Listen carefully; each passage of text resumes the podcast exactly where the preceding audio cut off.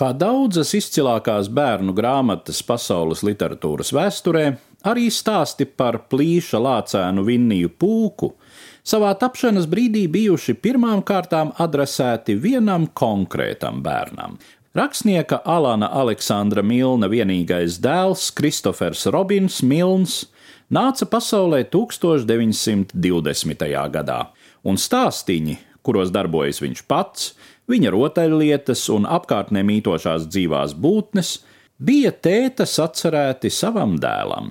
Kad Kristoferam Robinam apritēja seši gadi un bija laiks atvadīties no plīša lācīšiem un likt plecos skolas somu, Pūks un viņa draugi devās iepriecināt miljonus bērnu visā plašajā pasaulē.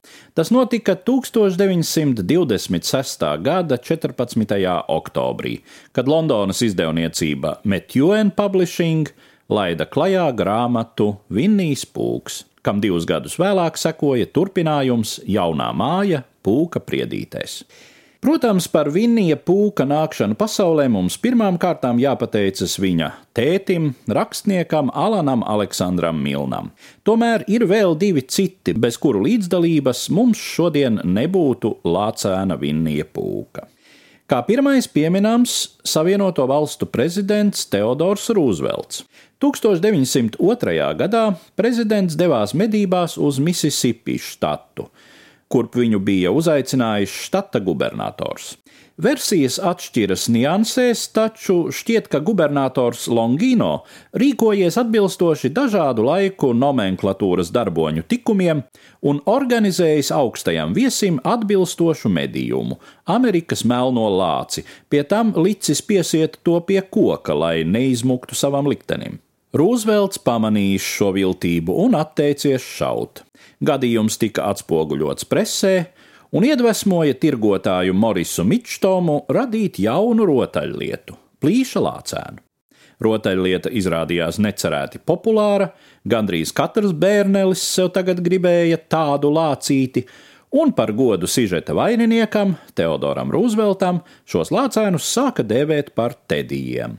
Protams, ka tādu tediju mīlošie vecāki iegādājās arī mazajam Kristoferam Robinam Milnam, kurš gan savu lāci vispirms nodēvēja par Eduardu. Iespējams, ka miljoni bērnu šodien lasītu grāmatas par lāci Eduardu, ja ne vēl viens mūsu sižeta personāžs - kanādiešu kavalērijas leitnants Harijs Kolberns.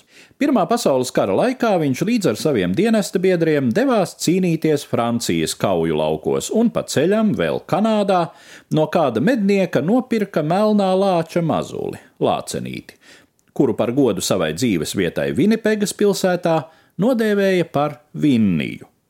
Kamēr leitnants Kolberns cīnījās Francijā, Vinnija dzīvoja Londonas zooloģiskajā dārzā un kļuva par vispārēju publikas mīluli. Te viņu arī sastapa Kristofers Robins Milns, un nu jau bija skaidrs, ka turpmāk arī viņa lāci nesauks citādi kā par Vinniju - par Vinniju pūku.